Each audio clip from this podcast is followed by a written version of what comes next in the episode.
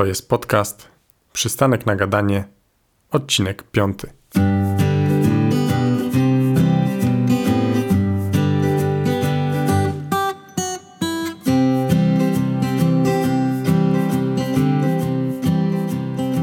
Cześć, witam Cię serdecznie w piątym odcinku podcastu Przystanek na gadanie.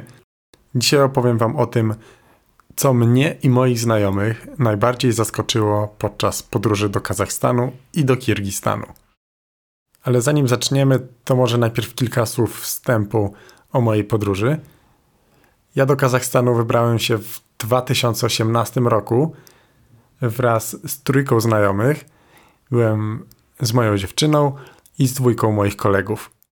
Tradycyjnie też była to w miarę niskobudżetowa wyprawa – po Kazachstanie i Kirgistanie głównie przemieszczaliśmy się autostopem, chociaż nie tylko.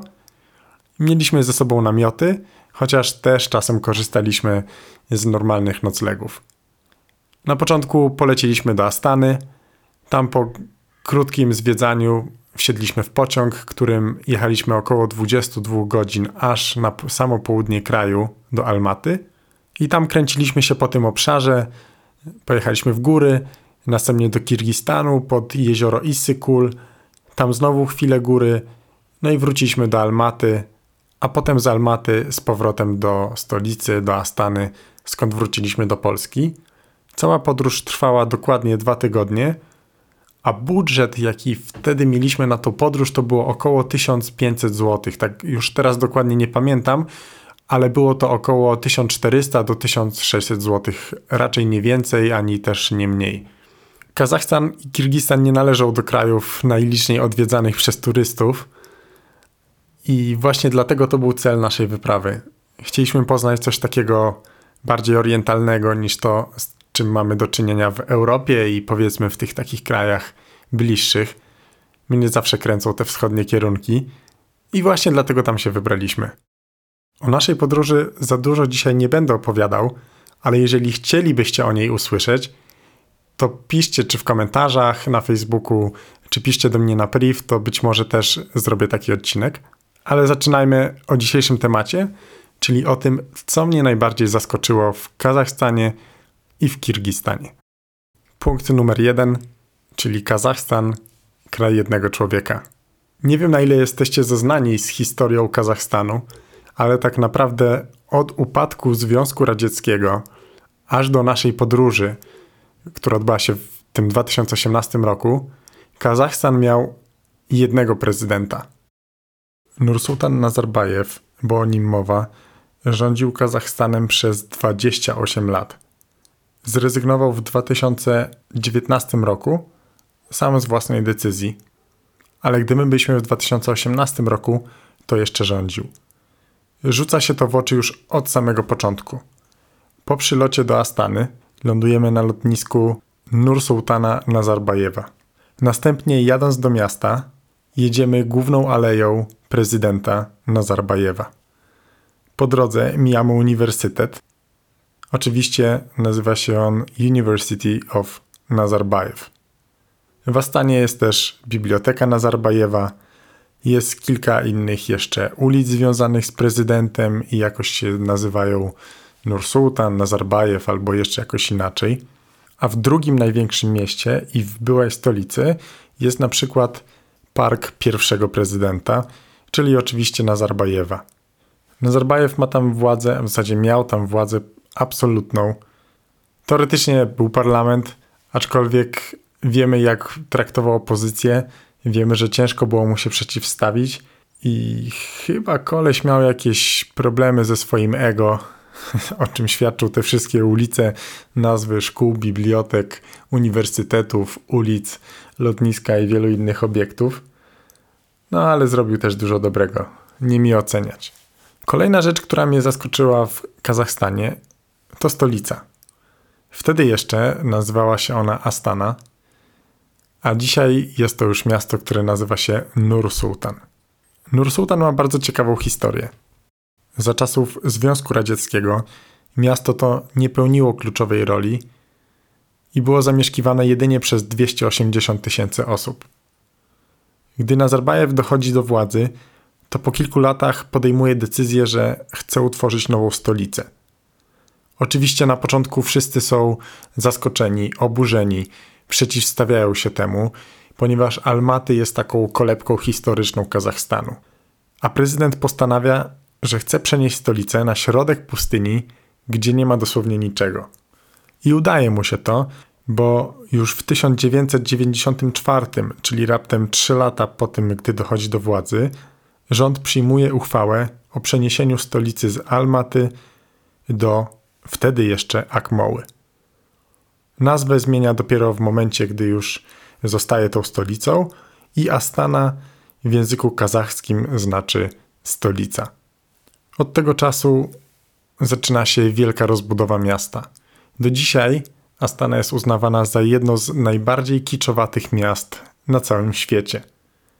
Znajdziemy tam złote wieże, imitacje różnych przedziwnych budynków. Jest nawet jeden budynek, który wygląda jak granat. Jest gigantyczna i najbardziej rozpoznawana wieża w Astanie, wieża Bajterek. Mamy też wiele złotych budynków. No, ciężko jest to opisać. Jest to naprawdę bardzo oryginalne miasto. I nie dziwię się, że jest wiele osób, które są przeciwnikami tego miasta. Ale przyznam szczerze, że będę trochę bronił Astany. Wybaczcie, że mówię Astana, nie Nursultan. Teraz już jest to Nursultan, ale jakoś tak, e, gdy byłem w Astanie, gdy byłem tam, to jeszcze to była Astana, tak, tak zapamiętałem, więc powiedzmy, że już niech tak zostanie. Dla mnie miasto jest bardzo oryginalne. Nie ma takich miast na świecie i faktycznie widać, że zbudowana od zera. Widać, że nie wszystkie koncepcje zostały dobrze przemyślane. Ulice są bardzo szerokie. Ciężko jest w zasadzie gdziekolwiek przedostać się pieszo, bo powierzchnia miasta jest bardzo duża. Wszystko jest nowoczesne. W zasadzie brak jest starego miasta, starówki, brak jest wąskich uliczek, wszędzie panują jakieś roboty, naprawy, kolejne budowy. I mimo, że świat uważa to miasto za kiczowate, to myślę, że ma pewien swój taki charakter, jest yy, na pewno ciekawe, warte zobaczenia. I myślę, że są brzydsze miasta, dlatego możemy dać Astanie spokój. Kolejną rzeczą, która mnie bardzo zaskoczyła, to jazda autostopem. Zawsze wydawało mi się, że czym bardziej pojedziemy na wschód, czym bardziej pojedziemy do mniej rozwiniętego kraju, tym jazda autostopem będzie łatwiejsza, przyjemniejsza. Ludzie będą jacyś tacy milsi, bardziej otwarci, chętniej nas będą zabierać. Szczególnie miałem takie doświadczenia po wyjeździe do Gruzji, w której jak wszyscy, którzy tam byli i jeździli autostopem wiedzą, jest naprawdę, jest to raj dla autostopowiczów, to bardzo zawiodłem się na Kazachstanie. Generalnie w Kazachstanie słabo funkcjonuje transport publiczny, dlatego między małymi miejscowościami ludzie jeżdżą autostopem. Z tego względu autostop jest płatny jakby rozumiem, jeżeli ja jestem turystą i przyjeżdżam do Kazachstanu, że miejscowi oczekują ode mnie, że też będę płacił i jakby dla mnie to jest jak najbardziej ok. Tylko problem jest taki, że oni bardzo często widząc nas próbowali nas naciągać. Na początku udało nam się, przynajmniej naszej parze, bo jeździliśmy na dwie pary, mi i Zuzi poznać, jakie są mniej więcej lokalne ceny i staraliśmy się ich trzymać i zawsze targowaliśmy mocno żeby nie płacić wyższych stawek, ale czasami się po prostu nie dało. Mówili, że w takim razie nas nie zabiorą. My oczywiście często mówiliśmy, no dobra, nie, to nie jedźcie, no ale kolejne osoby powtarzały to samo i nie były to incydenty, a była to taka zasada. Raz też nawet chłopaki na samym początku pierwszego dnia zostali, nawet już można to powiedzieć, że po prostu okradzeni, oszukani na taką skalę pamiętam, liczyłem wtedy, że podobną kwotę wydaliby na pociąg w Szwajcarii, jak tutaj za autostop. Więc to mnie bardzo zaskoczyło, że ciężko się jeździ tym stopem.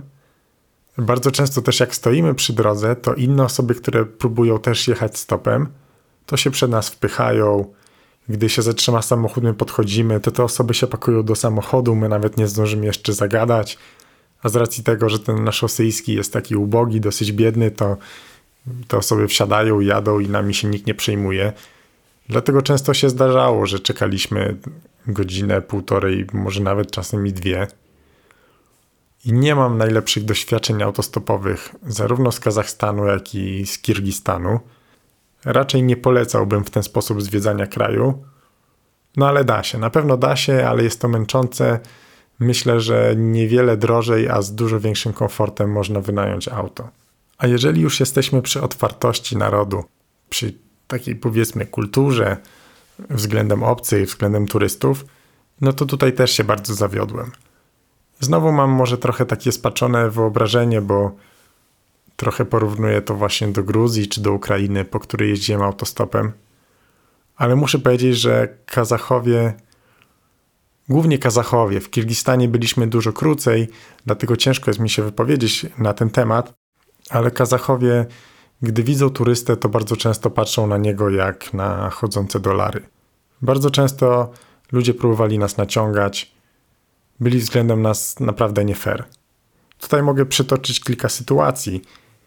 Na przykład pewnego razu, gdy wróciliśmy z gór, byliśmy w jakiejś małej mieścinie, szukaliśmy noclegu. Chcieliśmy gdzieś się zatrzymać, byliśmy w czwórkę, znaleźliśmy jeden nocleg, no ale oczywiście zanim weszliśmy do domu, zanim się zdecydowaliśmy podjąć decyzję, no to oczywiście padło pytanie z mojej strony skolka czyli z rosyjskiego ile.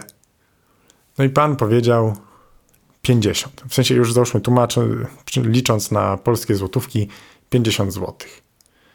No ja tak pomyślałem, no okej, okay, wiem, że Kazachstan jest tani, znaczy jest na pewno tańszy niż Polska, niż Europa, no ale 12,50 za osobę brzmi trochę podejrzanie.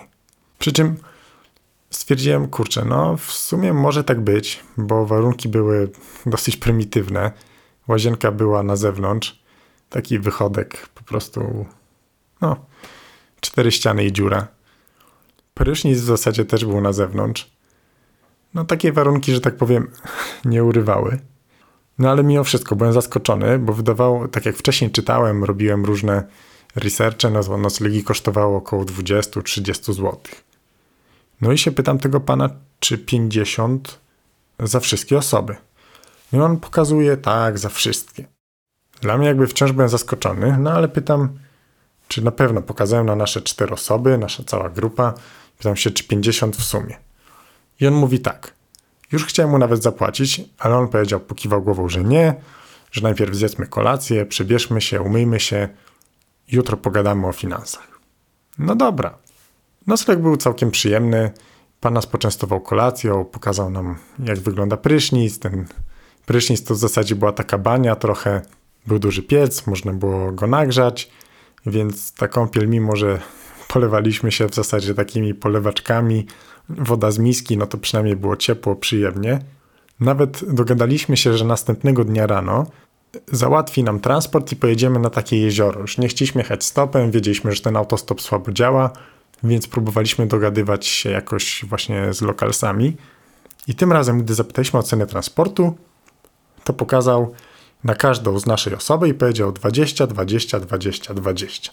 Czyli w sumie 80. No jakby dla nas powiedzmy, że to było ok. Chcieliśmy się już rozliczać za nocleg i co się okazało? Pan powiedział, że 50 nie jest za wszystkie osoby, ale 50 jest za jedną osobę. No my wtedy byliśmy bardzo zaskoczeni, zdziwieni. My nawet nie mieliśmy wtedy tylu wypłaconych pieniędzy. Dla nas to była duża kwota, to był niskobudżetowy wyjazd. W zasadzie jeszcze nikt z nas nie pracował wtedy. Wszyscy byliśmy studenciakami przed pracą. Ja chyba byłem na jakichś praktykach. No ale, ale mimo wszystko wyprawa studencka. No i byliśmy bardzo zaskoczeni. Próbowaliśmy negocjować, mniej coś. Finalnie jakoś uzbieraliśmy chyba 180 i jakby myśleliśmy, że no 80 będzie za, za ten transport, a stówka powiedzmy za ten nocleg, czyli tak dwa razy więcej niż przewidywaliśmy, ale on też by miał mniej. No ale niestety pojawili się koledzy, którzy mieli nas zawieźć, było tam kilku chłopaków, był on. Powiedział, że w takim razie nigdzie nas nie podwiozą i musimy iść sobie pieszo. Także zapłaciliśmy te 180 i ani nie mieliśmy transportu, ani nic. No ale zostaliśmy naciągnięci. Kolejną sytuacją, która była też taka dosyć nieprzyjemna, gdy zostaliśmy właśnie tak nieuczciwie potraktowani, to było przy jeziorach Kolsej. Gdybyśmy przy jednym z pierwszych jezior, to strasznie zepsuła się pogoda. Padał deszcz, było zimno, wiało. Schowaliśmy się we czwórkę w jakiejś, w jakiejś takiej altance, tyle że tak zawiewał wiatr, że mimo, że byliśmy w altance, to i tak na nas padało. Byliśmy już strasznie przemarznięci. Stwierdziliśmy, dobra, słuchajcie, tam jest jakiś dom. Spróbujmy się zapytać, może oni na chwilę nas ugoszczą, chociaż przeczekamy w jakimś korytarzyku czy czymkolwiek. No i spróbowaliśmy. Poszliśmy, pokazaliśmy pani, że zła pogoda, że nie mamy gdzie się podziać, czy możemy gdzieś się na chwilę schować. Zaprowadziła nas do jurty takiej za swoim domem, czyli po prostu taki powiedzmy namiot. No i tam sobie usiedliśmy. Pomyśleliśmy, no fajnie, wreszcie jacyś mili kazachowie. Po chwili pani nawet nam przyniosła herbatę. Wtedy już stwierdziliśmy, no jejciu, fantastycznie. No i faktycznie wypiliśmy tą herbatę, posiedzieliśmy. Jak tylko wyszło słońce i przestało padać, no to już chcieliśmy wychodzić. Ale przyszła wtedy właśnie pani gospodyni i powiedziała, hola hola, za herbatę trzeba zapłacić. No i wzięła od nas, pamiętam, to były jakieś takie pieniądze, jakbyśmy zapłacili za herbatę w polskiej kawiarni gdzieś w Warszawie. Także po raz kolejny zostaliśmy po prostu wyrolowani. Mieliśmy jeszcze kilka takich sytuacji, czy to przy takim kanionie szaryńskim też umówiliśmy się z gospodynią, że obejrzymy mecz. To było w zasadzie w restauracji, w której wydaliśmy w której wydaliśmy dużo pieniędzy, długo się tam stołowaliśmy, bo spędziliśmy tam cały dzień. Czeka... Właśnie specjalnie spędziliśmy tam cały dzień, żeby wieczorem zostać na mecz. To było wtedy, to był 2018 rok, czyli były Mistrzostwa Świata w piłce nożnej.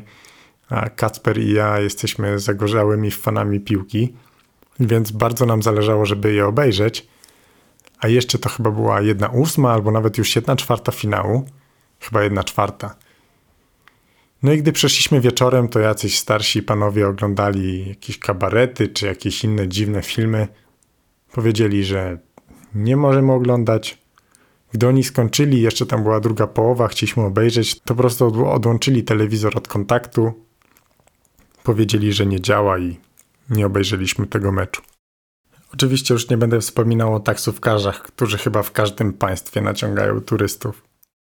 Co jeszcze nas zaskoczyło, to asortyment i wyposażenie sklepów na wsiach. W miastach wszystko jest ok, w sklepie normalnie można znaleźć produkty w większości tak jak u nas. Natomiast na wsi wygląda to dosłownie tak, jak sobie wyobrażam sklepy w Polsce podczas PRL-u, czyli puste półki. Gdy wejdziemy do sklepu gdzieś na wsi, z dala od, w zasadzie z dala od Astany i z dala od Almaty, bo tam dużo więcej wielkich miast nie ma, to naprawdę są puste półki. Jedyne, co w takich sklepach się często znajduje, to jest po prostu alkohol, chleb, chociaż nie zawsze, kilka jakichś konserw, oczywiście cukierki. Nie ma podstawowych rzeczy takich jak wędliny, parówki, nabiał, jakiekolwiek inne wyposażenie. W zasadzie, tak jak też widzieliśmy kilka razy nocując w takich, powiedzmy, no tak jak u tamtego przysłowiowego łysego, tak nazwaliśmy tego gościa, który nas oszukał, był łysy, to oni w zasadzie wszystko mają swoje. Każdy ma tam swoje zwierzęta, więc nabiał sobie sami produkują, mięso też po prostu ubiją jakieś zwierzę, chleby też robią sami, zupy, warzywa jakieś, więc nie ma potrzeby kupowania tego wszystkiego w sklepach. No i jest po prostu pusto. Z drugiej jednak strony, chciałbym też powiedzieć, że Kazachstan wcale nie jest zacofanym czy jakimś takim mało rozwiniętym państwem. Bardzo często nam, Europejczykom, wydaje się, że o wschód, gdzieś tam daleko, były kraj Związku Radzieckiego, to na pewno jest tam bieda i nic nie ma. A jest to totalnie nieprawda. Kazachstan naprawdę bardzo się rozwinął od upadku komunizmu. I widać to właśnie przede wszystkim w tych największych miastach. Już o Astanie nie będę wspominał, bo jest to super nowoczesne miasto. Tam jeżdżą nawet autobusy elektryczne, które jak wiecie w Polsce przynajmniej już wtedy jeździły, a w Polsce wiecie, że tak naprawdę też dopiero teraz są wprowadzane.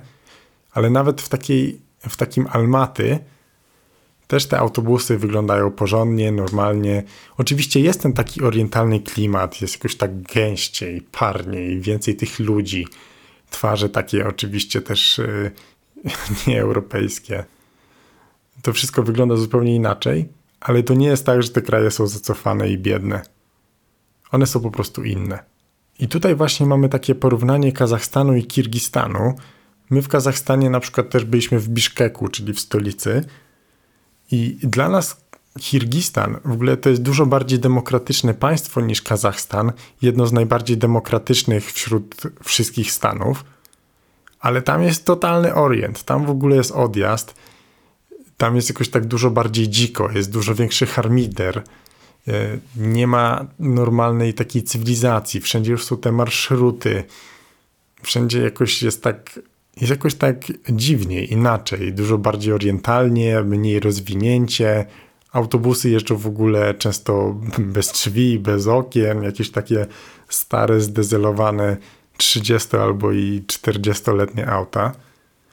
Więc to było takie kolejne porównanie, to co nas zaskoczyło podczas podróży. Co jeszcze? Gdy byliśmy w Astanie i w zasadzie chcieliśmy wejść do jakiegokolwiek publicznego miejsca, czy to była galeria handlowa, czy to był dworzec kolejowy, czy to była biblioteka, to wszędzie byliśmy kontrolowani. Znaczy, nie tyle my, co generalnie ludzie.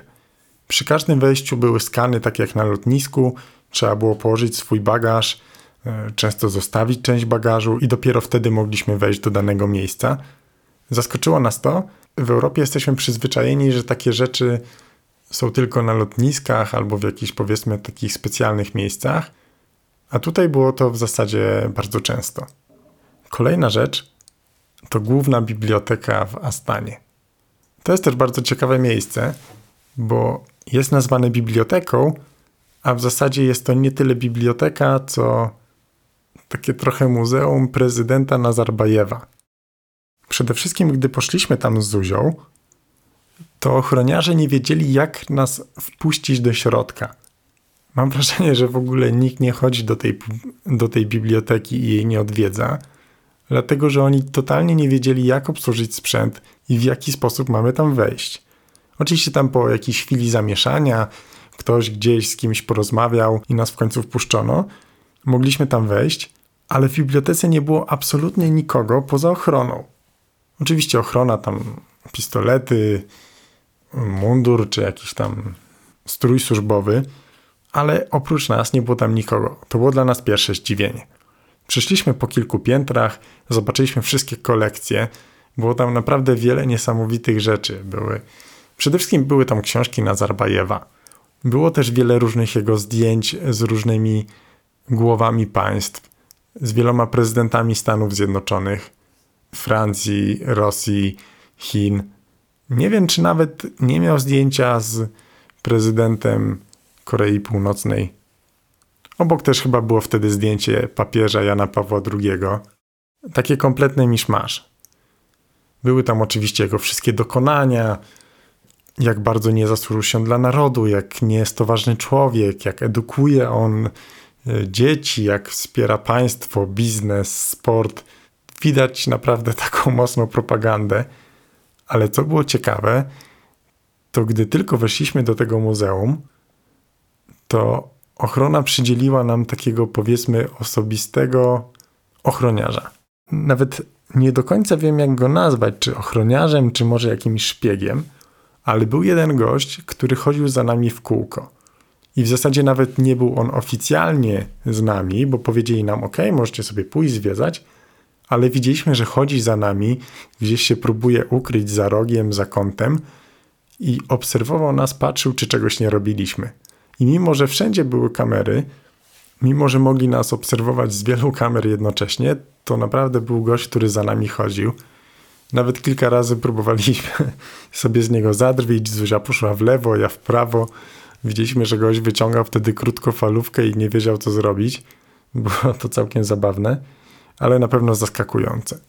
Wśród zaskoczeń chyba nie muszę wspominać o toaletach, bo chyba każdy, kto miał okazję podróżować na wschód dalej niż na Ukrainę, to wie, że bardzo często w takich krajach nie ma normalnych toalet, tak jak u nas w Polsce czy gdzieś w Europie, ale po prostu jest dziura w ziemi, trzeba kucnąć. Co więcej, nie ma papieru, tylko jest szlauf z wodą. No, także tak. I chyba ostatnia rzecz, chociaż w zasadzie nie wiem, czy powinno mnie to zaskoczyć, ale to regularnie, notorycznie pojawiają się tam pomniki, takie, które powstały w okresie Związku Radzieckiego. Często mamy pomniki żołnierzy, armii, Stalina, Lenina. Raz nawet widzieliśmy pomnik, w którym były napisane daty wojny. I wiecie, tam była data napisana 1941, 1945. Czyli patrzcie, przez te wszystkie lata była szerzona propaganda, że wojna zaczęła się w 1941 roku. Nikt tam nie mówił, że Rosjanie nas zaatakowali w 1939. No ale cóż, taki kraj. Chciałbym Was jeszcze poprosić o jedną poradę odnośnie następnego odcinka. Rozważam dwa tematy. Znowu będziemy kontynuować Kazachstan. Powiedzcie mi tylko proszę, czy wolelibyście usłyszeć o najciekawszych przygodach, które nas spotkały podczas wyjazdu? Czy wolelibyście może jednak praktyczny poradnik i wskazówki, jak zorganizować niskobudżetową podróż do Kazachstanu i do Kirgistanu? Wydaje mi się, że to chyba wszystko na dzisiaj. Dziękuję Wam serdecznie, że dotrwaliście do końca i podzielcie się ze mną w komentarzu, co Was najbardziej zaskoczyło w Kazachstanie i w Kirgistanie. To dzięki i do usłyszenia w następnym odcinku.